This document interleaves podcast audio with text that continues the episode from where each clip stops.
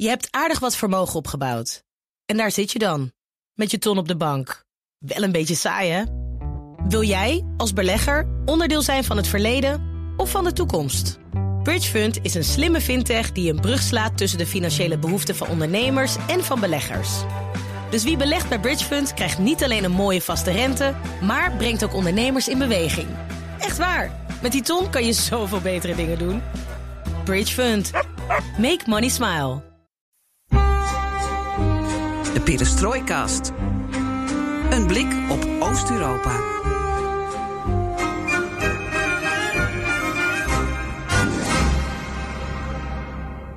Welkom bij BNR Perestroikast, aflevering 35. Een reguliere aflevering dit keer. Geen speciale corona-uitzending. Al berichten we er wel een beetje over, want Floris, alles valt of staat tegenwoordig wel met het coronavirus. En dan hebben we het natuurlijk ook over de gevolgen. Politiek, geopolitiek, economisch. Wat gaan we doen? Ja, we ontkomen er niet dus aan. In, want in de week dat het coronanieuws jawel losbarstte in Nederland had je twee onderwerpen die met Rusland te maken hadden. Ten eerste het begin van het MH17-proces. En ten tweede de olieruzie tussen Rusland en Saoedi-Arabië die die week, die die week voluit losbarstte. En over dat laatste gaan we het in deze aflevering hebben. Want welk spel heeft Moskou in gedachten? Ja, en normaal gesproken zou dit echt heel groot nieuws zijn. Uh, ook nog steeds in de nasleep. Maar ja, uh, het coronavirus heeft ons uh, veel meer in onze greep. En dus gaan we toch maar even schakelen met de energieanalist Jilles van den Beukel. Want hij kan ons alles over dat spel vertellen. En ook wat er nu nog speelt natuurlijk. En we gaan ook maar eens even contact leggen met de eenzame Joost Bosman. Eens kijken of we hem uit zijn Moskouse isolement kunnen halen. En dan mag hij zich uitleven op het vertellen van een nieuwe mop. En je weet het inmiddels, alles ten oosten van de rivier de Elbe kan de komende weken, maanden, jaren in deze podcast besproken worden. En wat leuk is, is dat wij heel sociaal en democratisch zijn. En dat je ideeën kunt inbrengen, isolement of niet, via Twitter, perestrooikast of mail ons op perestrooikast.bnr.nl. En daar doen we dan nog wat mee ook. Mijn naam is Geert-Jan Haan. En ik ben Floris Akkerman. En dit is BNR Perestrooikast.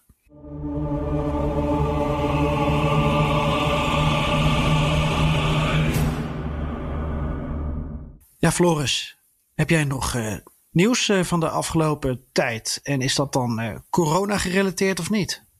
Nou, nieuws, ja, ik zit, zit, zit, heb zitten speuren natuurlijk naar allerlei nieuws, maar je komt al snel op corona. Dus ik had eigenlijk eigen nieuws bedacht of een eigen anekdote, verhaal. Ehm, ik kreeg van de week. Je hebt nieuws bedacht? Oké. Okay. Ja, een, een, eigen, eigen verhaal bedacht. Ehm, ik kreeg begin vorige maand of vorige maand kreeg ik een mail van een student, en niet de eerste keer die bezig is met haar scriptie. Uh, en uh, die vroeg mij, het algemene vraag is eigenlijk hoe is het met de persvrijheid in Rusland gesteld? En hoe heb jij dat als journalist, Nederlandse correspondent ervaren? En die vraag krijg ik heel vaak van studenten en ik beantwoord ze altijd met alle liefde. maar ik kan ook denken van, goh, ik beantwoord nu even alle vragen, dan ben ik er vanaf en dan kan ik ze verwijzen aan deze podcast. Lijkt me handig. Maar goed, dat zal ik niet doen, dat is een, dat is een heel verhaal. Maar het komt er eigenlijk op neer van uh, of ik uh, de vraag of ik als buitenlandse journalist wel eens in Rusland uh, of ik daar vrijheid kan werken. Ik heb altijd daar vrijheid kunnen werken. mijn beste Geert-Jan. ik kreeg alle papieren netjes. ik kon schrijven wat ik wil. Er werd mij wat dat betreft geen strobreed in de weg gelegd. Behalve één keer toen ik een interview had in Dagestan. Dat is Zuid-Rusland in de Noord-Caucasus. En ik was daar voor verschillende reportages over ja, uit Dagestan kwamen bommenplegers die in de metro van Moskou aanslag hadden gepleegd. Dus ik ging naar Dagestan te kijken wat is daar aan de hand. En toen had ik een interview met een, twee broers. Uh, die beweerden dat een van hun broers uh, was meegenomen door de Russische geheime dienst. En ze hadden nooit meer wat van hem teruggezien. En halverwege het interview werd ik uh, gewezen op een auto die aan de overkant van de straat stond, zonder nummerbord. En toen werd er mij gezegd van dat is uh, niet zomaar uh, zonder nummerbord, dat is een auto van een geheime dienst. Dus het is beter om eventjes uh, dit interview te kappen. Dus dat was eigenlijk de enige keer dat ik stopte met dat ik mijn werk niet volledig kon doen. Voor de rest altijd gedaan. Mm -hmm. En um, nou is het natuurlijk wat anders voor Nederlandse journalist. Hè. Je schrijft een keer over corruptie. Je schrijft een keer over, over Poetin. En daarna ga je door naar, het volgende onder, naar de volgende kwestie, onderwerp. Um, Russische journalisten die kunnen druk.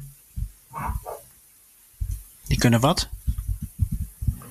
Russische journalisten, die wonen natuurlijk in Rusland, als, die, zich, die gaven zich echt in en die bijten zich echt vast in, in een onderwerp. En dan ook natuurlijk veel meer gevaar. En tegenstelling tot buitenlandse correspondenten kunnen wij, hè, de buitenlandse correspondent, altijd weer terug naar eigen land. Maar de Russische journalist, die zit natuurlijk in een soort van uh, ja, gevangen of moet het in zijn eigen land zitten rooien. Dat is natuurlijk wel een groot verschil. Uh, hoewel vorig jaar waren er een paar namen, werd, uh, werden een paar Nederlandse correspondenten op de kool genomen door de Russische autoriteiten. Ze waren niet helemaal blij met hun berichtgeving. Um, nou, notabene via Twitter en via een Russische ambassade. Dat was best Precies, wel kwalijk. dat bedoel ik. Dat was, uh, dat was, niet, uh, dat was, was echt wel een nieuwe ontwikkeling. Uh, en voor het eerst dat de Nederlandse journalisten echt daarop werden aangesproken. En ik kwam hier eigenlijk op op het onderwerp omdat de krant, de zakenkrant, zeg maar de Russische financiële dagblad, Financial Times, uh, Venemasti uh, in de verkoop is gedaan. En uh, daar is nu een leiding de redactie is niet tevreden over hoe dat nu gaat. Uh, Vedemasti, je moet het zien, wat ik al zei, is het Financiële Dagblad van Rusland. Goede krant met goede, goede artikelen, niet alleen financieel nieuws, maar ook goede politieke verhalen. Echt tot, tot in het Kremlin doorgevoerd met goede bronnen. En dat was een van mijn kranten. Recht Dirk Sauer, hè? Ja, ook ja. Uh, krant waar ik graag, die ik altijd graag las en lees.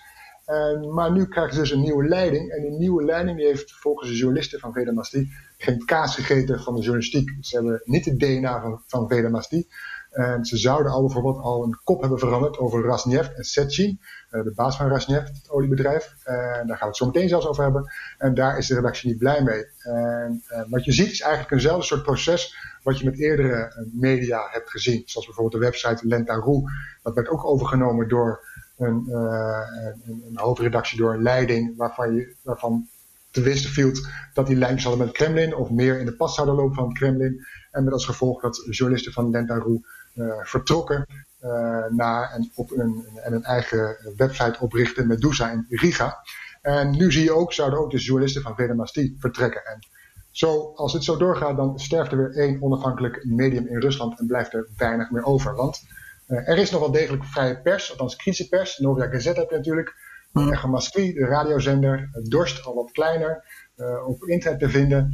Uh, internet is natuurlijk relatief vrij, dus het is ook niet zo dat in Rusland volledige censuur is en kritische pers wordt, wordt koud gesteld. Dat is niet waar. ze bestaan nog wel, alleen ze, het wordt steeds kleiner. En ze zijn ook alleen in de grote steden vaak te zien. Het mas, grote gedeelte van de Russen, die kijkt eigenlijk naar de staatstelevisie of volgens staatsmedia. Nog laatste toevoeging, wat ik nog wil zeggen. Ik had ooit een interview met Dmitri Murat, Muratov, van het hoofdredacteur van Novia Gazeta. Die zei eigenlijk dat het, die vrije media een soort spel is van het Kremlin, waarop het Kremlin kan zeggen van kijk eens, wat nou censuur, wat nou staatsmedia. We hebben toch Novia Gazeta, we hebben toch kritische pers als, uh, als Echo Maskri. Hmm. Wat lullen jullie nou, Westerlingen? Dat is eigenlijk mijn nieuws, anekdote, verhaal voor vandaag. Maar wat zeg je nou tegen die studenten die jou mailt? Die zeg ik dat, uh, dat het dus wat dat betreft uh, uh, buitenlandse journalisten hun werk kunnen doen, vrijheid, ehm, niet te vergelijken met Russische journalisten. En dat er dus wel degelijk een soort van vrije pers is in Rusland, maar wel minimaal. Oké, okay. en, en voortaan verwijt je ze dus door naar, naar deze opname, naar deze perestrooikast. Hoewel het natuurlijk elke keer weer kan veranderen, hè? Zeker. Hoe bedoel je? Nou, uh, persvrijheid uh, in een land als Rusland. er wordt telkens met de kaasschaaf iets van afgehaald. Tuurlijk, dat zie je ook bij Vede Mastini. Ja, maar goed, tegelijkertijd zijn er ook nieuwe initiatieven ontstaan de afgelopen jaren, zoals Dorst en Dorst. Mm. Um, daar wordt ook met de kaasschaaf af en toe overheen gegaan. Mhm. Want dan probeert uh, de overheid daar toch op een bepaalde manier weer uh, macht op te krijgen. Ja. Um, aan de andere kant zijn er weer mensen die zeggen van ja, omdat Dorst zo anti-Kremlin is, is dat ook weer uh, biased. Dus mm -hmm. wat, is, wat is vrijheid? Zeker, dat, dat zeg je ook over Novia Gazette. Dat is ook een, ja. zou dan een onafhankelijke krant zijn, maar is ook een kritische krant, een oppositiekrant. Dus ook kijkt die door een bepaalde bril natuurlijk naar het nieuws. Um, maar het bestaat nog wel. Um, je ziet nu ook wel andere, inderdaad, wat je zei, Dorst. Dat is een wat ouder voorbeeld. Maar je hebt ook een mediazone. Dat is volgens mij van Pussy Riot, handlangers. Maar ook dat is inderdaad een soort van gekleurde uh, medium. Um, dus het is er wel, maar uh, ja, je kan zeggen, het is ook zwart-wit. Eén kant van het Kremlin tegenover de oppositie. Andere me, me, uh, ja, mediazona bedoel je? Ja, ja mediazona, ja. En Vela Mestie zat er goed tussenin. En je had natuurlijk ook RB, RBK en dat is ook niet meer wat het is geweest. Ook van Dirk Sauer. Juist. Ja. Dus eigenlijk hebben we Dirk Sauer weer nodig, die wat actiever wordt. Met de Moscow Times, maar dat zal niet de gemiddelde Rus uh, naar, naar lezen. Nee, nee. Ja, interessant. Of zijn we nu uh, te veel uh, Poetin uh, versteer door het een beetje om te draaien? Hoe bedoel je? Nee, toch? We kijken toch kritisch naar, naar de Russische pers? Die... Ja, ja, ja, maar door mijn, mijn uitspraken van zojuist, door te zeggen van nou, je kan het ook vanaf de andere kant bekijken. Mm, nee. Ja, ik kom erop omdat het een beetje samenhangt met, met wat ik wil vertellen. Mm Daar ben ik zeer benieuwd naar. Ja, nou, ik dacht, ik doe een keer geen anekdote. Uh, en ik doe ook geen Rusland. Uh, om een beetje tegenwicht te geven. Ja. Nee, uh, er was heel veel nieuws te melden uit de regio. Dus ik heb wel echt moeten selecteren. zal ik je even vertellen wat is afgevallen? Mm -hmm. Ik had kunnen vertellen over de verkiezingen in Nagorno-Karabakh en ja. Abhazie. Ehm, die waren de afgelopen twee weken. Uh, in die twee uh, regio's die zich hebben losgemaakt van hun uh, land, zwaar bevochten. En ja, daar gingen verkiezingen door, ondanks het coronavirus. Um, mm -hmm. Dat is wel opvallend. In heel veel landen worden verkiezingen uitgesteld of gaan ze niet door. Ja, nou ja, Frankrijk trouwens wel, gemeenteraadsverkiezingen. Um, maar goed, ja, hè, die discussie die, die woedt de hele tijd. Nou, daar ging het door. Um, Kosovo, regering gevallen. Met uh, nu een extra op scherp gezette verhouding tussen de EU en uh, de VS daar op de Balkan. Um, daarover gesproken, ik had het ook over Macedonië kunnen hebben. Uh, eerst was daar het bericht dat Albanië en Macedonië verder mogen onderhandelen met de Europese Unie. Ik hoor nu trouwens een galm in mijn oor. Ja, inmiddels is Jillis aangesloten, geloof ik. Uh, Goedemiddag. ik ben Gizan. Um, maar goed, zal ik het dan even kort hebben over waar ik het wel over zou hebben? Ja, la, ja doe dat. We kunnen het uh, opnieuw doen als je het prettig vindt. Nee, dat is goed zo. Uh, dit hoort er allemaal bij. Hè. Kijk, Macedonië, daar wil ik het dan wel graag een andere keer over hebben. Want dat is nu uh, officieel lid geworden van de NAVO. De NAVO-vlag is gehezen. Derde lid nu. En um, dat is toch wel bijzonder. Er was geen publiek bij bij die ceremonie, maar het is wel een, een mijlpaal. Um, ja, ik wil het graag even hebben over Hongarije. Ja. Ja, want wat viel jou daaraan op uh, afgelopen ja, week? Dat, dat, dat Orbán de zaak naar zijn hand aan het zetten is. Of wil je daar niet naartoe? Ja, daar wil ik wel naartoe. Uh, maar wat is jouw indruk? Nou ja, dat, dat, hij, uh, dat hij het slim speelt nu om, om de oppositie en het parlement uit te schakelen. En alles op corona gooit, hè? alles in het belang van corona, de strijd tegen corona. En dan uh, proberen de alle macht naar ze toe te trekken. Ja, maar wat ik maar afvraag. Jij weet het waarschijnlijk beter van dan ik. Nou, wat ik mij afvraag nu je dit zo stelt, en uh, dat mm-hmm. zeg je terecht. Um, waarom nu? Want Orbán uh, heeft met zijn Fidesz-partij al een tweederde meerderheid in het parlement. En had dus al veel eerder uh, per decreet bijvoorbeeld kunnen regeren. Waarom zou hij zo nodig nu de uitbraak van het coronavirus daarvoor gebruiken? Nou, misschien omdat Brussel wellicht het andere zaken aan zijn hoofd heeft en wat minder scherp erop let. Hoewel Van der Leyen al, uh, geloof ik, wat heeft gezegd erover. Ja, maar het is een wellicht? formele aangelegenheid. Um, Orbán, en dat wordt nu veel geschreven, uh, uh, dat Orbán de democratie zou hebben afgeschaft. Hij heeft helemaal niet de democratie afgeschaft. Hij heeft -hmm. formele handelingen verricht. En uh, daar is niks uh, geks aan. Um, ja, in onze ogen wel. Maar het is niet zo dat hij nu uh, dingen heeft gedaan die niet volgens de Hongaarse democratie en zelfs niet volgens onze democratie niet zouden mogen. Dus hij heeft gewoon, zoals je wel vaker ziet, netjes volgens de regels gespeeld. Ja, alleen dat is niet hoe wij het zouden spelen. En um, wat natuurlijk wel zo is, is dat hij natuurlijk nu echt uh, uh, alle macht naar zich toe trekt. Uh, mm-hmm. Daar hebben we het over gehad met Michiel Luiding in het Democratiecollege.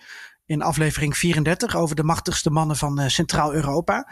En wat mij nu opvalt is natuurlijk. Um, is het verwerpelijk dat er nu sancties komen te staan op het verspreiden van valse geruchten of het indammen van persvrijheid als je rondom het coronavirus verkeerde informatie verspreidt. Um, mm -hmm.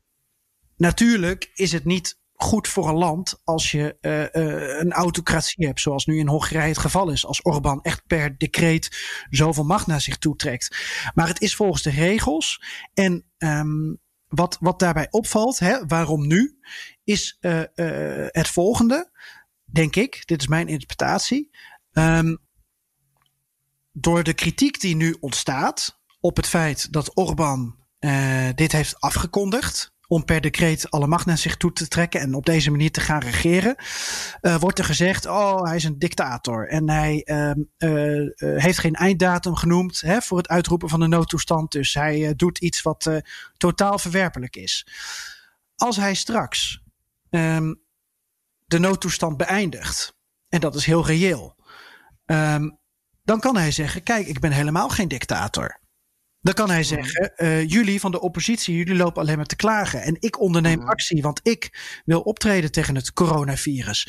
Het is dus eigenlijk vergelijkbaar met wat uh, uh, Donald Trump in, in de Verenigde Staten doet. Namelijk, hij reageert eigenlijk op zijn eigen achterban. Daar kijkt hij naar, ja, dat is zeker. Daar kijkt hij naar. -hmm. En uh, dit is dus eigenlijk, hoe verwerpelijk het ook is, heel slim gespeeld. En dat uh, valt mij op, want al tien jaar lang heeft Fidesz uh, een enorme macht. En uh, is er sprake van, van een, een Orbanistan. Alleen ja, hij doet het nu. En hij kan straks zeggen van hey, negatieve propaganda. de oppositie is anti-Hongaars, is pro-coronavirus. ja, het is gewoon timing. Nou, dan zullen we in de gaten houden wat hij gaat doen als het coronavirus eenmaal bedongen, bedwongen en eh, kijken of hij dan dit, eh, dit, gaat terugroepen. Of naar gaat handelen zoals jij misschien wel zegt.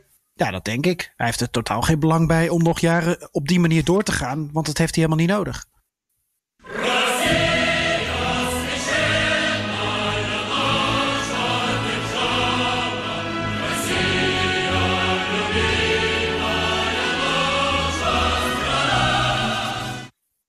Oké, okay, nou je hoorde net al uh, Jilles binnenkomen. Want we gaan met Jille zo uh, praten. En uh, je hoort af en toe wat uh, geluiden op de achtergrond. In mijn geval is dat een baby van tien weken oud.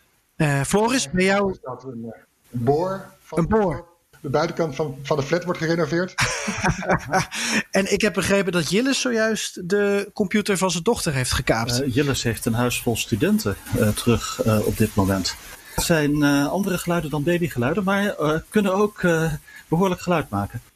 Ja, maar die van jou zijn dus heel behulpzaam ook. Uh, ja, zeker. In dit geval, uh, voor al mijn uh, Apple en iPad problemen ga ik naar een van mijn dochters, ja. En Floris, we maken dus een, een, een podcast vanuit huis. We zitten dus alle drie op een andere locatie. En dat, dat brengt wat technologische uitdagingen met zich mee waar we even allemaal aan moeten wennen. Ja, zeker. maar het resultaat is alsof je er niks van merkt, hoop ik. Ik hoop het en anders is het uh, sfeervol.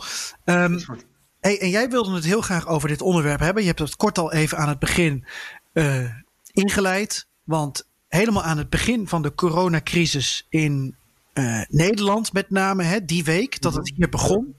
Ja. Toen zagen we ook wat gebeuren um, op het gebied van olie. We zagen een olieruzie ontstaan tussen Rusland en Saoedi-Arabië.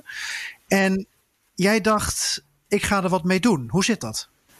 Ja, dat, sowieso was het wel een interessant onderwerp om mee te doen. Maar ik was uh, vorige maand bij de wijnboer hier in, in Zandvoort. En uh, ja, je moet natuurlijk aan de drank in tijden van corona. En ik raakte met hem aan de praat. En hij vertelde dat hij graag naar BNR luistert. En ook naar de Buitenland-podcast. En toen zei ik, oké, volg je ook die podcast over Oost-Europa, Perestroikast? Toen zei hij, ja, die volg ik ook. En toen zei hij wel, ja, eh, eigenlijk in één adem, ik zou graag wat meer willen weten over uh, die olieruzie tussen Saoedi-Arabië en Rusland.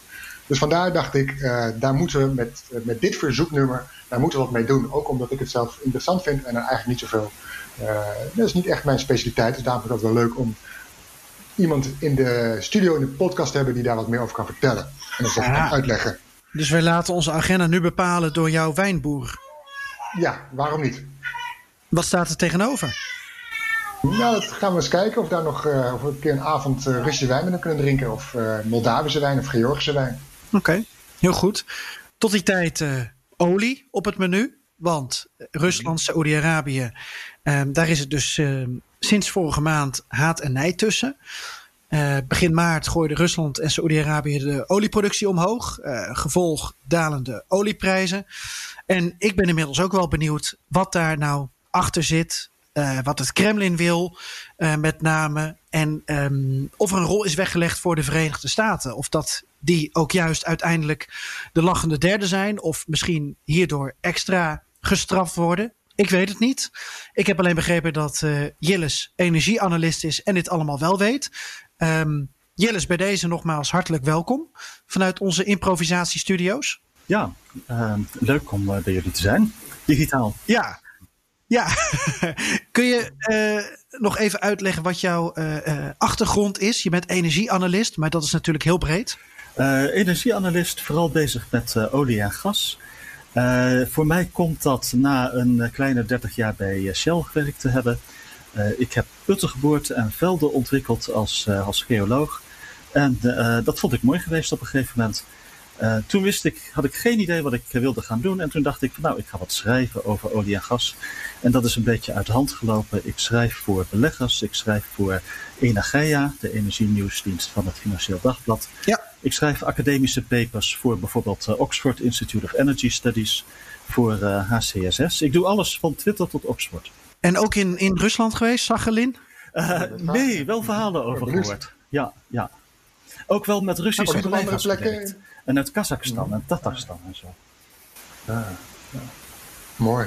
En ook niet op andere plekken, gasvelden in Rusland? Uh, nee, nee, nooit in Rusland uh, geweest. Uh, nee, ik heb in, in Texas gewerkt, in Afrika. Ik ben met het Midden-Oosten bezig geweest, Denemarken. maar nooit in Rusland, nee. Nou, interessante carrière move. En fijn dat je je expertise nu ook met ons wilt delen.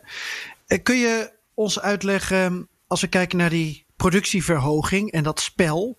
Wat is de voorgeschiedenis daarvan?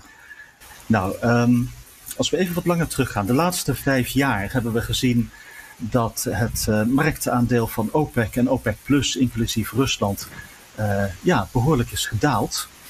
En er is één land waarvan het marktaandeel behoorlijk is uh, gestegen en dat zijn de Verenigde Staten.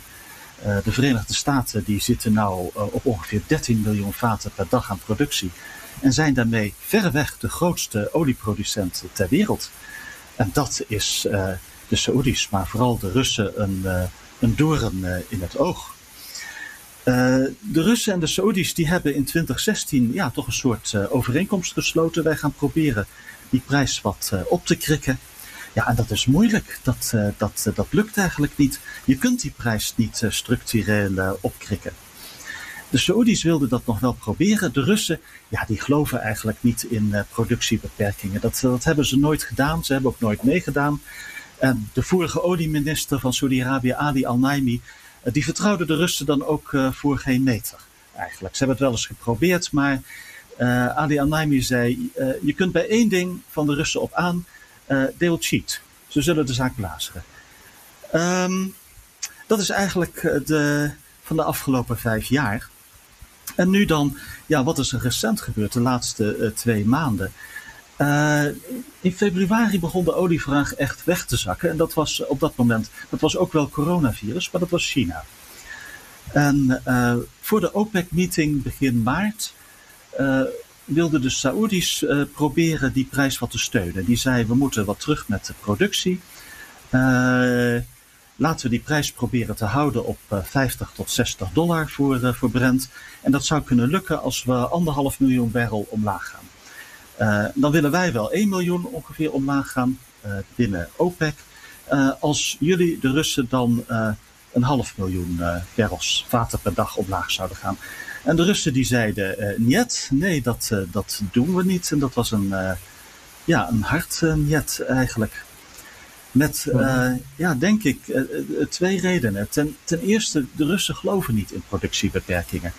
en nu zouden ze, na jaren een beetje voor de vorm te hebben meegedaan, zouden ze echt mee moeten doen. Nou, dat wilden ze niet. En ten tweede, ja, in het verleden zijn dat soort overeenkomsten tussen Saudi-Arabië en Rusland altijd van tevoren voorgekookt in een Saudi-Arabië-Rusland onderonsje. En dit keer speelden de Saudis dat anders. Ze presenteerden in wezen de Russen met een ultimatum.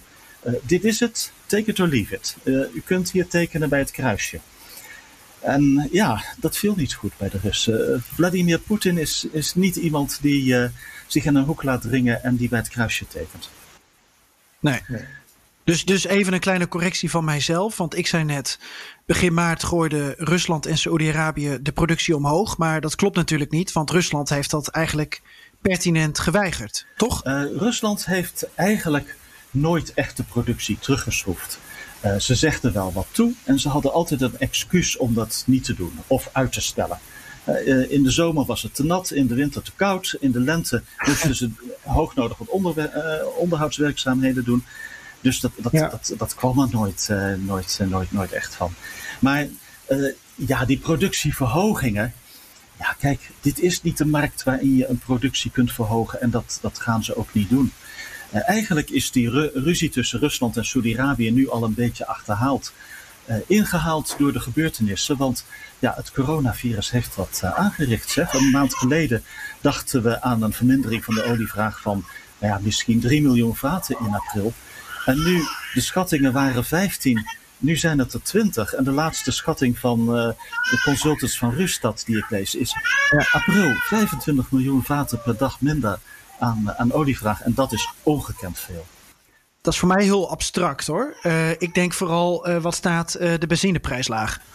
ja, en die wordt dan nog vooral door belasting bepaald. Maar inderdaad, ja, ja, en in de Verenigde Staten komen we weer onder de 1 dollar per gallon. Ongeveer 1 God. euro per 4,5 liter. Dat is pas echt goedkoop. Dat is goedkoper dan drinkwater. Ja, ja. In Amerika. Ja, in Amerika. Ja, ja. Waarom, waarom, voor mijn begrip, waarom gelooft Rusland niet in die, in die beperking, die oliebeperking? Zij Wat is stellen dat je dat krikt op de korte termijn de prijs op, maar het is slechts een korte termijn effect. En op de lange termijn verlies je aan marktaandeel. En dat hebben we ook gezien. De laatste vijf jaar ging wereldwijd de olievraag met 5 miljoen vaten per dag omhoog. En dat, of zelfs iets meer. En het overgrote deel daarvan is door de Amerikanen ingepikt. Die zijn meer gaan produceren, van 8 naar 13 miljoen mm -hmm. vaten per dag. En dat zien de Russen met ledenogen aan. Ja, dus, dus uh, welke kant wil, Rusland nu op? Het Kremlin? Waar, waar willen ze naartoe? Um, eigenlijk, nou ja, tweeledig. Ze willen zoveel mogelijk verdienen aan hun eigen olieproductie. En daarbij hebben ze een, een, een lange termijn view, uh, een langere termijn dan Saoedi-Arabië. Uh, we kunnen van Poetin een boel zeggen, maar hij heeft wel verstand van de olie- en gasindustrie, geholpen door zijn maatje Igor Sechin. En uh, ze hebben een lange termijn view. En ja, ze willen gewoon de, de, wat ze verdienen aan Russische olie op de lange termijn maximaliseren.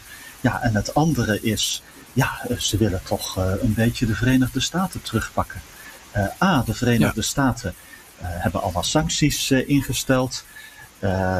ze hebben wat hun veel pijn heeft gedaan, ja, Nord Stream 2 voorlopig onmogelijk gemaakt.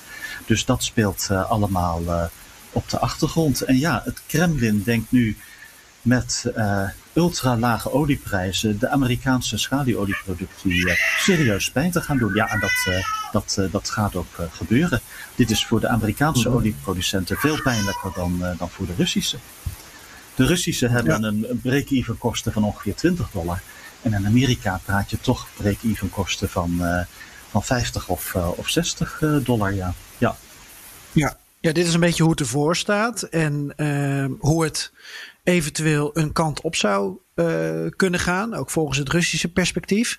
Uh, Floris, wat wilde jouw wijnboer nou eigenlijk precies uh, weten? Is hij vooral benieuwd naar of dit een, een soort Russisch-Amerikaanse strijd aan het worden is, in plaats van Russisch-Saoedisch? Nou, hij was vooral benieuwd naar de Russische positie en de Russische uh, belangen hierbij. dat, dat, dat, dat interesseert hem vooral. Ja, want eigenlijk zeg jij dus, Jilles, dat, dat als Kremlin die, het Kremlin die Amerikaanse schalieoliebedrijf op de knieën wil krijgen, dan gaat het lukken ook. Uh, ja, dat, dat, daar ziet er toch wel een beetje naar uit. Uh, en de achtergrond daarvan is, de Amerikaanse schalieoliebedrijven, uh, die hadden het vorig jaar al moeilijk.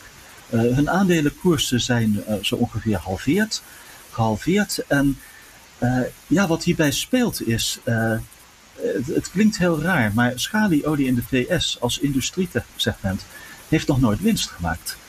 dit is een soort Tesla, maar dan niet in elektrische auto's, maar in olie. in verwachting van een prachtige toekomst wordt hier heel veel geld in gepompt. En uh, ja, we hopen dat die toekomst mooi is. En Wall Street is door de jaren heen steeds meer teleurgesteld in schalieolieproducenten. En dat uh, is in 2019 tot uitdrukking gekomen dat die aandelenkoersen al gehalveerd zijn. de schalieolieproducenten hebben ook gewoon geologische problemen. Ze produceren steeds meer water mee met de olie, steeds meer gas mee. Dat is echt een probleem voor ze. Dus ze zaten vorig jaar al in de hoek waar de klappen vallen. En nu eigenlijk ziet Rusland zijn kans schoon. In 2016 lukte het niet om echt schalieolie de kop in te drukken. Nu, zie, nu, nu zien ze hun kans. Het is gewoon een keiharde afrekening. Uh, ja, dit is een keiharde afrekening, maar het is ook een keihard spel. Laten we wel zijn, de Amerikanen hebben al jaren sancties tegen Rusland. Dat is gedeeltelijk begrijpelijk met alles wat er in de Oekraïne gebeurd is. Maar ja, Nord Stream 2 je hebt in Europa een, eh, een, een, een concurrentie tussen Russisch pijpleidinggas en eh, LNG, vloeibaar gas, wat vooral uit Amerika nu komt, uh, schaliegas. Ja, en dat je dan Nord Stream 2 onmogelijk maakt voor iets wat toch meer een commerciële dan een politieke issue is. Ja, dat is ook wel een hard spel geweest van, van Trump eind vorig jaar. En dit is payback time. Ja, dus we, we, deze schakel op meerdere, meerdere vlakken. Dus je hebt, je hebt Nord Stream 2, je hebt die, uh, deze olieruzie. Venezuela komt ook nog om de hoek kijken. Uh, sancties dus. Dus het is een soort van hybride oorlogsvoering.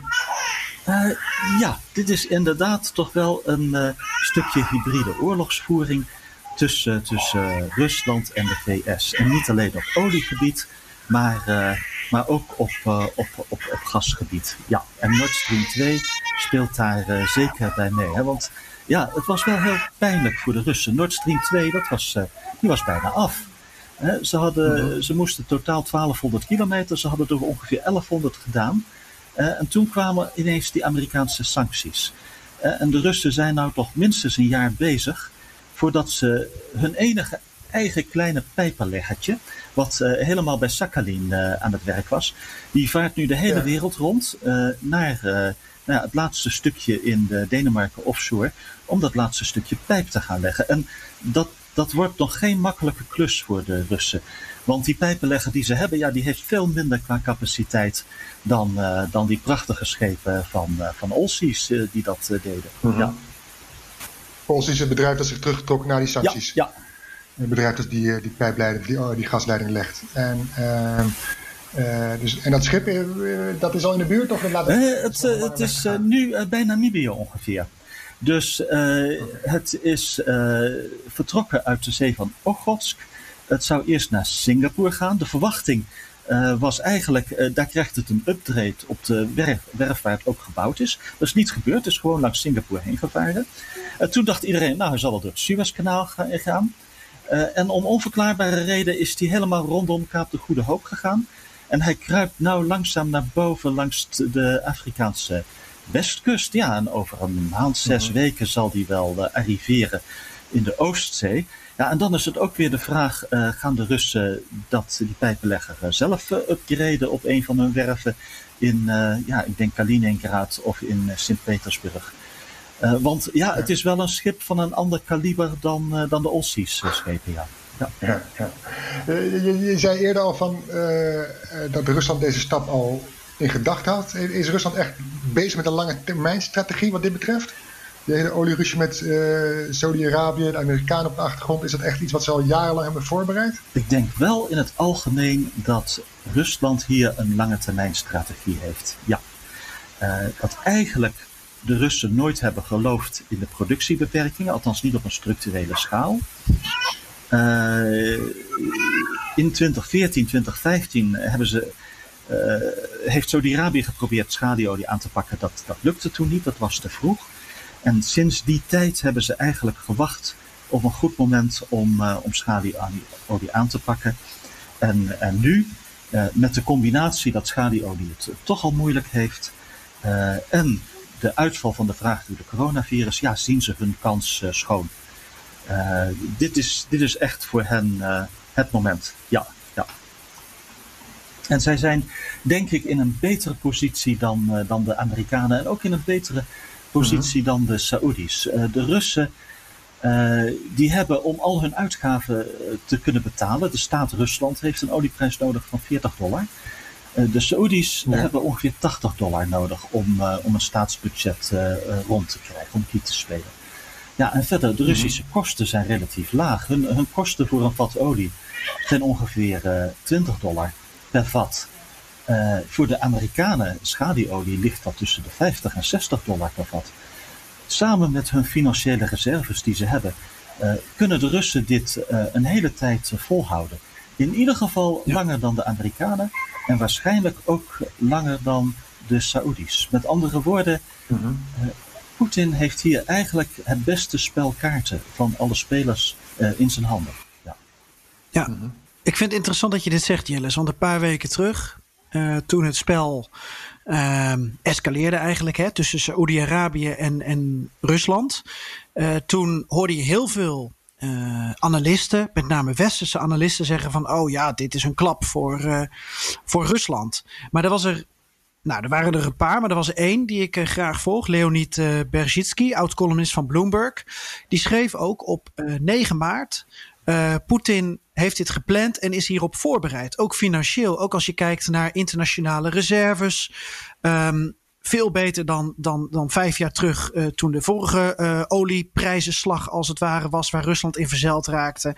En nu heeft hij uh, doorgepakt en heeft hij Amerika, de Saoedi's en de wereldeconomie eigenlijk, um, ja, hoe zeg je dat ook weer onsympathiek, bij de ballen gegrepen. Op een moment dat het kon. Ja, dat, dat denk ik ook.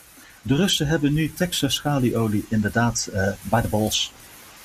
En dat, uh, dat vinden ze wel mooi, na al die jaren van zorgen en sancties. Ja. Maar heb jij een verklaring voor het feit dat een paar weken terug het sentiment soms anders was? Dat er analisten waren die er anders naar keken? Is dat puur omdat ze dan de, de Anglo-Saxische uh, media uh, volgen en, en niet goed genoeg doorhebben hoe uh, Poetin het spel speelt? Las juist wel, Geert-Jan, dat Poetin er goed voor stond. Ja, maar dat waren de eerste, de eerste reacties helemaal niet. De eerste reacties waren van, oh jee, wat moet Rusland nou? Nou, ik denk nou, dat er toch ook wel echt wel analisten zijn die, die uh, ja, de kracht van Rusland zien in deze. Uh, wat wel omgeslagen is, is de manier zoals analisten tegen VS-schadiolie aankijken. Dat was lange tijd uh, zeker in de Amerikaanse media, een soort succesverhaal. Uh, energy independence. En later onder Trump wordt dat energy dominance. En zo succesvol is VS schalieolie niet. Het is een succesverhaal qua volumes. Maar het is geen uh, succesverhaal qua winst. En uh, schalieolie in de VS ja, is toch een soort reus op leme voeten. Hm. En dan kan Rusland het laatste zetje geven. Dat is wat ze nu gaan, uh, gaan, gaan proberen, ja. ja. En ja. waarbij het ja, uh, echt afwachten is in hoeverre dat gaat lukken. Uh, we zien nu wel schalieoliebedrijven omvallen. lange tijd was mhm. dat druppelsgewijs dat kleinere bedrijven omvielen. Maar nu beginnen er echt grote bedrijven om te vallen. Dus Whiting, toch een van de grotere spelen, die is, ik geloof twee dagen geleden failliet gegaan. Chapter 11 heet dat in de VS. Mhm. En dat is toch echt een van de grotere spelers. Uh, en dat kwam ook in de publiciteit trouwens om een heel andere reden. Uh, het management van Whiting heeft het bestaan om uh, een week geleden zich nog voor een kleine 10 miljoen dollar aan bonussen te laten uitkeren. Mm -hmm. Dat hebben we wel. Ja, dat wel, ja. ja. Dat is zelfs binnen de olie- en gaswereld, zelfs binnen de VS, opgemerkt en heel veel schande over gesproken afgelopen dagen. Ja. En uh, um, we hebben nu een lage olieprijs. Uh, daar is Rusland toch ook niet helemaal, helemaal bij gebaat. Ze willen er ook gewoon inkomsten bij hebben om bijvoorbeeld te kunnen investeren in hun eigen olie, in hun eigen oliesector. Nu die ook wordt geraakt door westerse sancties. Ja.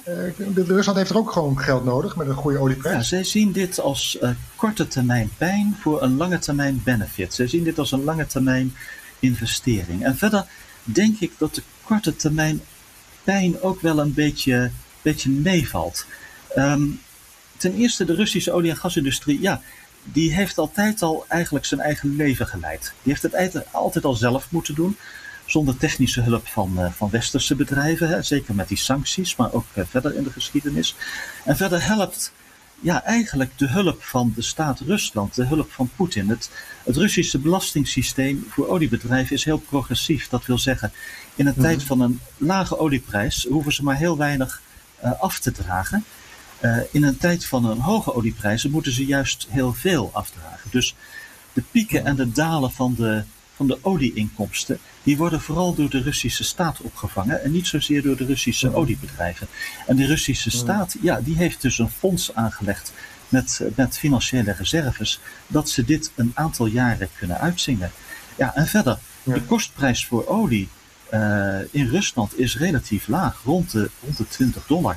Dat is weliswaar iets hoger dan Saudi-Arabië, maar het is veel en veel lager dan al die westerse olieindustrie. Het is de westerse olieindustrie die echt het meeste pijn gaat, uh, gaat leiden hier komende tijd. Hè? Want er komt echt een hele zware tijd aan voor uh, schalieoliebedrijven, maar ook voor alle andere oliebedrijven in de westerse wereld, ook voor Shell.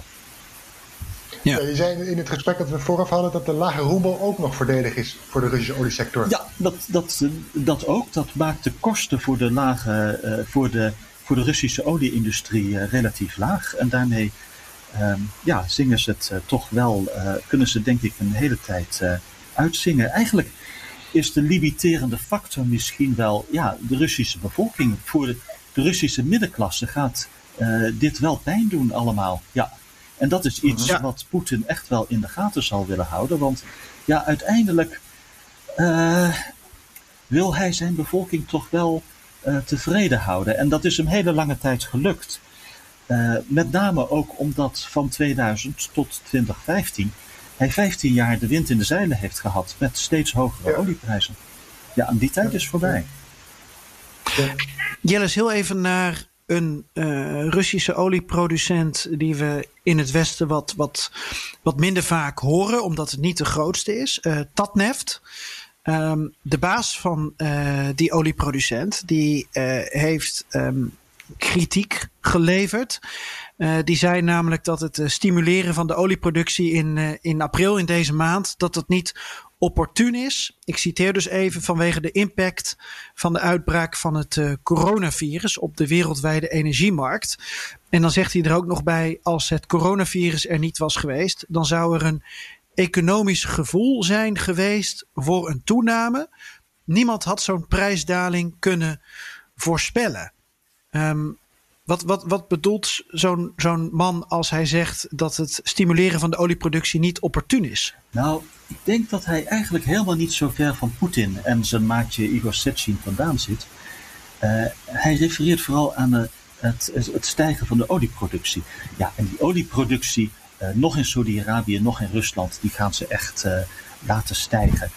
stijgen van de olieproductie is een, is een lange termijn verhaal. Uh, wat hele hoge kosten met zich meebrengt. En dat gaat echt uh, niemand doen in, in, in deze tijd waarin de broekriem uh, moet, moet, moet worden aangehaald. Dus dat verhaal van wij gaan de productie opschroeven, zowel van Rusland als Saudi-Arabië, ja, dat is toch een beetje bluff. Dat, dat gaan ze mm-hmm. niet, niet echt doen. Maar wat ze ook niet gaan doen, is echt hun productie verminderen in, in, in mijn inschatting. Het is al moeilijk genoeg nu voor ze om ja, de bestaande productie uh, kwijt te raken. Uh, ze geven hoge kortingen. Als je op dit moment uh, olie wilt kopen, is dit het moment. Zowel Saudi-Arabië als Rusland geven een substantiële discount ten opzichte van de officiële nou, prijs. Als je nog een lege tank kopen ze vat. ja, precies. Ja. Ik zal eens even in de tuin kijken. Maar um, we noemden even ja, Tatneft. ik denk wel en dat heb je ook wel kunnen lezen afgelopen tijd. Uh, Rosneft en met name Igor Sechin heeft hier wel een uh, belangrijke rol bij gespeeld. Uh, ja? ja? hij roept al. Dus het zijn Poetin en, en Sechin die dit samen hebben uitgedokterd, deze strategie, nadat Saoedi-Arabië er, ermee begon, zeg maar? het, zei, het is Sechin die een, een, een, een grote invloed heeft, toch wel op, uh, wat er in, op alles wat er in Rusland gebeurt op het gebied van, uh, van, van, van olie. Ja, uiteindelijk beslist Poetin. maar als er iemand is die invloed heeft op Poetin, is het, is het Igor Sechin wel. Ik bedoel, hij is de CEO van Rosneft, het grootste oliebedrijf, maar hij is, hij is meer dan dat. Hij is al heel lang. Waaruit blijkt zijn invloed dan? Wat, wat, wat, wat zie je daarvan eigenlijk, nou, eigenlijk is hij een beetje Poetins tweede man. Uh, wij denken in het Westen dat dat uh, Dmitri Medvedev is, maar in Rusland denken heel veel mensen dat Sechin eigenlijk uh, de man na Poetin is. en, en dat is ook, ja, ze kennen elkaar al, al heel lang. ze hebben beide een KGB-verleden, dat, dat schept toch ook een band. ze kwamen elkaar tegen in 1991 in, in Leningrad, Sint-Petersburg. En sinds die tijd is Sechin is, is Poetins tweede man. Uh, ook zijn backcarrier. Hij draagt ook letterlijk de tas van, uh, van, van, van Poetin. Hij is uh, mm-hmm. ongelooflijk loyaal. Hij is een keiharde werker. En hij is een nietsontziende potentaat binnen zijn eigen bedrijf Rosneft. Ja. Maar waarom zie, waar, waar zie je in het hele verhaal, wat we nu vertellen, de hand in van Sechin? Wat, wat, waar blijkt dat, dat Sechin al sinds 2016 zegt, wij moeten dat niet gaan doen. Eh, dat verminderen van die olieproductie. Uh, het werkt niet.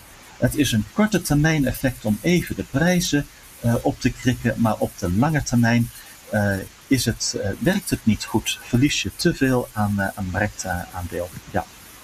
En dat is, daarin is hij heel consequent. Hij is, hij is een van de weinige mensen die ja, daarin wel eens zijn eigen mening durft te geven. En hij heeft in zekere zin toch ook mhm. wel het oor van, van, uh, van, van, van, van Poetin daar.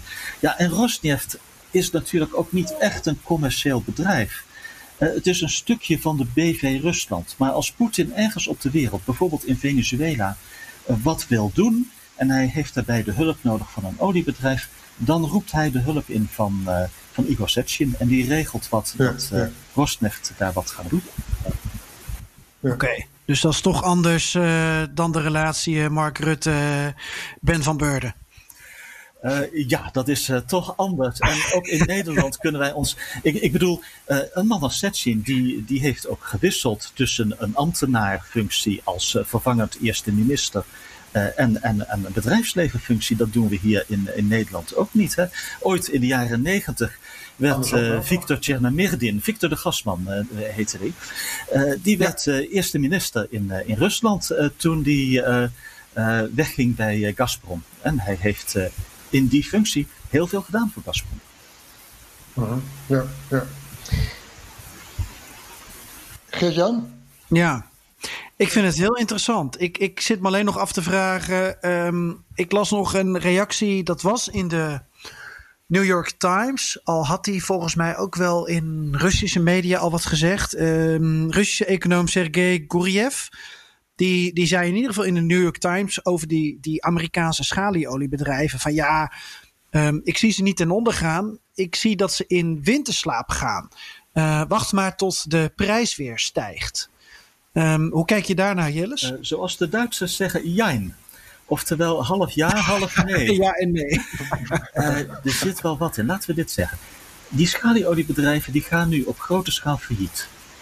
Uh, maar daarmee is het segment, de kennis, de industrie niet weg. Kortom, als uh, dit alles achter de rug is, de, de dust has settled, ja, dan komen er weer nieuwe schalieoliebedrijven, die pakken de zaak weer een beetje op.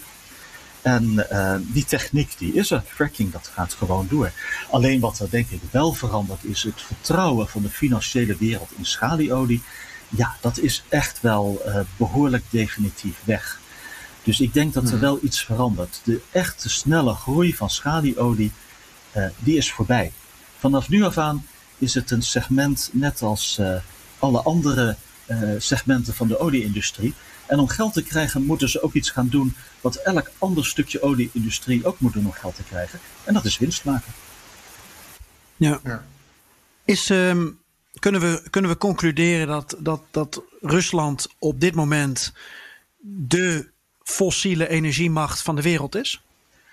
Uh, niet in zijn. Strategisch gezien? Niet in zijn eentje. Ik denk dat er drie grootmachten zijn: de VS, Rusland en Saoedi-Arabië. Maar in de huidige omstandigheden, bij de huidige coronacrisis, heeft Rusland de beste kaarten. Ja. Relatief. Ja, Floris, ik, ik, denk toch ook dat dat, ja, misschien weet je dat ook wel, Jillis, maar ik zit ook een beetje naar, naar, naar die Russische mentaliteit te kijken. Dat, dat fatalistische, ze, ze kunnen altijd zo ongelooflijk goed omgaan met, met tegenslag. En, en, en bijna als ze knock-out zijn, dan, dan zijn ze daar ineens weer. Maar dat is misschien ook weer het westerse perspectief. Nou, dus ik denk dat ze uit deze crisis echt wel goed uitkomen. Beter dan de Amerikanen bijvoorbeeld. Maar het is wel iets ja, frappants. Wij zien in Europa, wij gaan weg van fossiel. Uh, ooit, uh, tien jaar geleden, twintig jaar geleden, waren wij voor de helft zelfvoorzienend. De Amerikanen waren ook voor de helft zelfvoorzienend. Nou, wij zijn nog voor een kwart zelfvoorzienend in olie en gas. En de Amerikanen, nou ja, helemaal. Uh, Russen, wij, wij gaan weg van fossiel. Maar de Russen, die zetten vol in op fossiel. Eh, de inkomsten uit olie en gas voor het staatsbudget, nu onder Poetin, zijn nog belangrijker dan ze ooit waren onder Brezhnev en, uh, en Gorbachev. En dat op de lange duur gaat wel een probleem worden voor de Russen. Maar dan niet op een termijn van twee jaar, maar op een termijn van twintig jaar. Waar gaan zij hun geld mee verdienen als het tijdperk van olie daadwerkelijk ten einde komt? Want hopelijk komt dat ervan met de energietransitie en de klimaatverandering? Daar is nog werk aan de winkel voor Poetin dat hij eigenlijk heeft laten liggen in zijn eerste twintig jaar. Ja, en of dat er ooit van komt in zijn tweede twintig jaar, als hij toch ook wat fossieler en langzamer gaat bewegen met veranderingen in politiek, is nog maar de vraag. Ja. Uh, die ruzie is nog steeds gaande, toch? Uh, tussen Saudi-Arabië en Rusland. Is er al Trump heeft zich opgeworpen als mediator. Is er al, komen ze al uit? Knipt al iemand met de ogen? Het zou best zijn dat er een soort akkoord komt. Komende dagen, komende weken. Maar wat betekent dat nog met een uitval van de olievraag van 20, 25 miljoen eh, vaten per dag? Als er nu een akkoord komt, is dat voor de bühne, voor de psychologie, om te proberen de prijs nog een beetje op te krikken. En dat is meer noodzakelijk voor Trump dan, uh, dan, dan voor Poetin. Uh, eigenlijk de ruzie tussen Saudi-Arabië en Rusland ja, is ingehaald door de gebeurtenissen. Events, events my dear. En uh, ja. het zijn toch, ja, het is de grote uitval van de vraag door de coronavirus wat nu het centrale punt is. En dat gaat de capaciteit als swing producer van Saudi-Arabië en Rusland simpelweg ver te boven. Maar we kunnen concluderen dat Poetin, het Kremlin, Poetin en Sechin waren voorbereid op een crisis als deze, op, op het grijpen van het uh, momentum. Dat was in eerste instantie de ruzie met Saoedi-Arabië. Dat werd nog eens dunnetjes overgedaan met de coronacrisis waar we nu in beland zijn. En dan komen Poetin en Sechin als overwinnaars uit deze idiote strijd die we de afgelopen week hebben meegemaakt. Het zijn schurken, maar het zijn wel twee ter zake kundige schurken. Althans, als het om olie en gas gaat. Zij weten wat ze doen. En ze hebben een lange termijn politiek. Uh, die Trump en Mohammed bin Salman ontberen. Dat zijn toch meer korte termijnen. Het is toch wel weer slim uh, hoe ze dat uh, voor elkaar krijgen. Ja, wat zou je wijnboer hier nou van vinden, Floris? Ik ga het hem vragen. We gaan het erover hebben met een glas wijn. Ook al weten we dat uh, Poetin en Sechin uh, goede schakers zijn, goede langetermijndenkers. Eigenlijk weten we met z'n allen niet hoe over een paar weken de wereld eruit ziet. Dat is het, het krankzinnige van de, van de situatie waar we ons nu in bevinden, toch? Ja, ik bedoel deze uitval van de olievraag voor april. Hoe lang gaat dit duren? Mei, juni, tot eind dit jaar? En wat gebeurt er na de coronacrisis? Gaan we een diepe economische recessie in? Uh, of zijn we er snel weer uit? En die middenklasse in Rusland, die gaat dus toch wel een cruciale rol spelen in, in wat hier verder mee gaat gebeuren. En, ja, en hoe die erdoor komt überhaupt. Daar hebben Poetin en Chechen dan toch een invloed op, toch? Dit soort factoren. Events.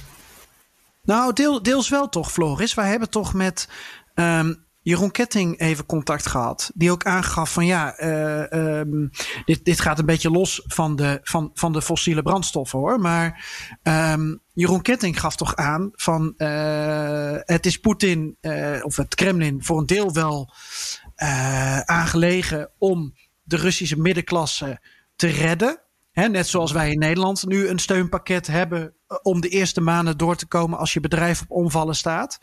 Uh, staatssteun. Maar uh, Jeroen zei wel, ja, dat, dat, dat geld dat gaat dan wel met name naar de partijen, de middenklasse die um, misschien het, het regime wat beter gezind zijn dan die vervelende uh, buitenlanders. Of dan die middenklasse die het niet zo op heeft met het huidige regime. Daar kunnen ze natuurlijk nu wel beleid op maken. Zeker, zeker. Als ze slim zijn, doen ze dat. Uh, nou ja, ik, ik ben helemaal bijgesproken. Ik ga meteen door naar mijn wijnboer om dit verhaal te vertellen, Jillis. En dan uh, zal ik hem uh, namens hem willen we je graag bedanken voor jouw verhaal. Graag gedaan. Dankjewel, energieanalist Jillis van den Beukel. hoe zit je daar nu, Joost? En je, we gaan nu officieel beginnen of niet? Ja, ik vind het best. Ik zit hier in mijn flatje en uh, ja, ik mag er niet uit. Geïsoleerd? Ja, ik, ik mag er alleen uit om boodschappen te doen, om uh, uh, noodgeval voor de dokter. Medisch noodgeval dus. Uh, ik mag mijn vuilnis weggooien. Ik mag de hond uitlaten. Een hond heb ik niet. Vuilnis kan ik in pandig kwijt. Uh, medische uh noodgevallen. Uh, nou ja, knock on wood. Maar heb ik ook niet mee te maken. Dus ik mag er alleen uit om een boodschapje te doen. Gelukkig is de drankwinkel recht onder mij. Dus daar kan ik gewoon naartoe. Maar vanaf morgen wordt het ernstiger. Want dan moet je ook een, AIDS, hoe heet het, een, een QR-code hebben op je, op je telefoon. Om elke keer als je naar buiten wil om een boodschapje te doen, om je hond uit te laten of om je vuilnis weg te gooien, moet je zo'n code eh, aanvragen. Dus dat uh, heeft nogal wat voeten in de En ik ben ook heel benieuwd hoe en of ze dat gaan controleren, want het lijkt me heel erg lastig in een stad met 12 miljoen inwoners. Maar goed, we zullen het morgen wel zien. Uh, ik moet me vandaag laten registreren, dat ga ik straks doen. En dan, uh, dan zien we het wel, hoe het morgen verloopt, na morgen. Maar je hebt toch een vitaal beroep?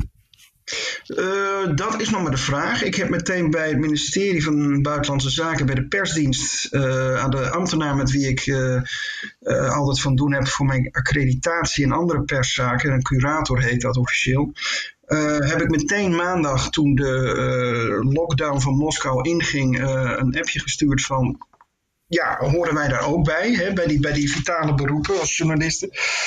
Zij zei, er is nog niks over bekend. Uh, jullie moeten gewoon even afwachten. En dat doen we nog steeds. Dus officieel mag ik de straat dus niet op als journalist. In ieder geval. Ik mag sowieso de straat niet op. Anders dan om boodschappen te doen. En zoals ik al zei, morgen moet ik daar dus zelfs elke keer als ik boodschappen wil gaan doen, officieel toestemming voor aangevraagd. Nou, de Moscovieten houden zich eraan. Uh, er zit uitgestorven op straat? Dat weet ik niet, want ik zit binnen. Ik kan het niet zien. Maar hier rondom. Je kan het vanuit je flat zien, of niet? Ja, ik kijk naar buiten en het is hier aanzienlijk stiller dan normaal.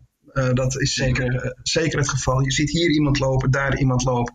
Meer mensen ook met mondkapjes. Ik kwam gisteren iets heel grappigs tegen. Ik liep met een vrouw achter mij de flat uit.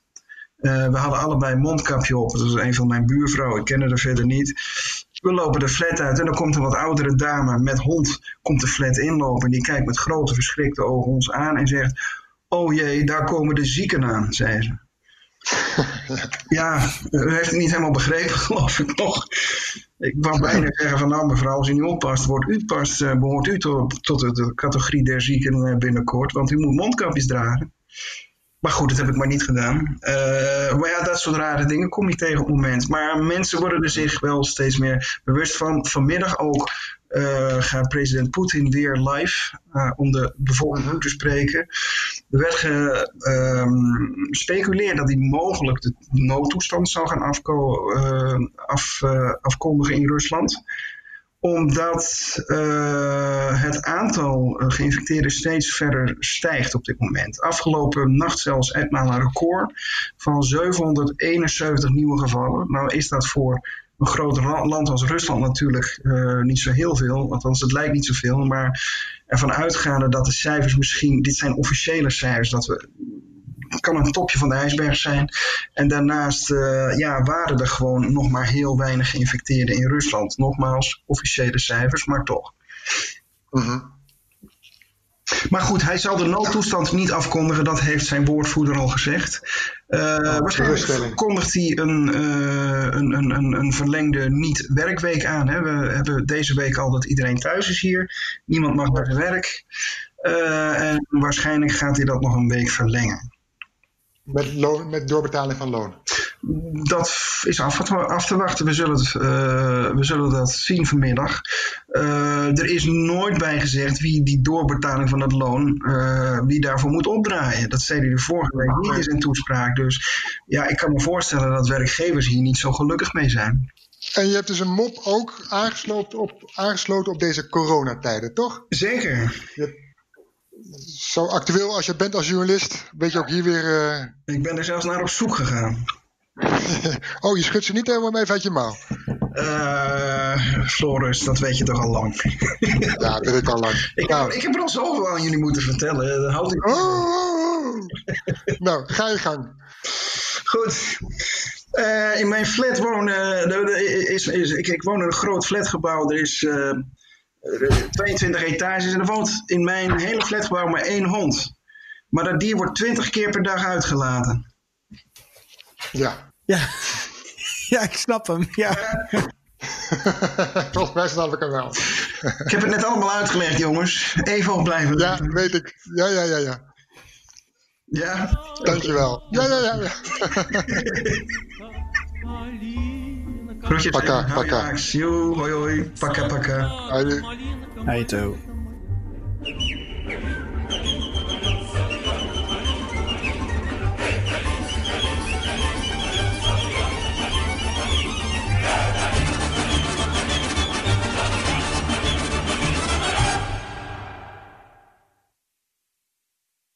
Je hebt aardig wat vermogen opgebouwd.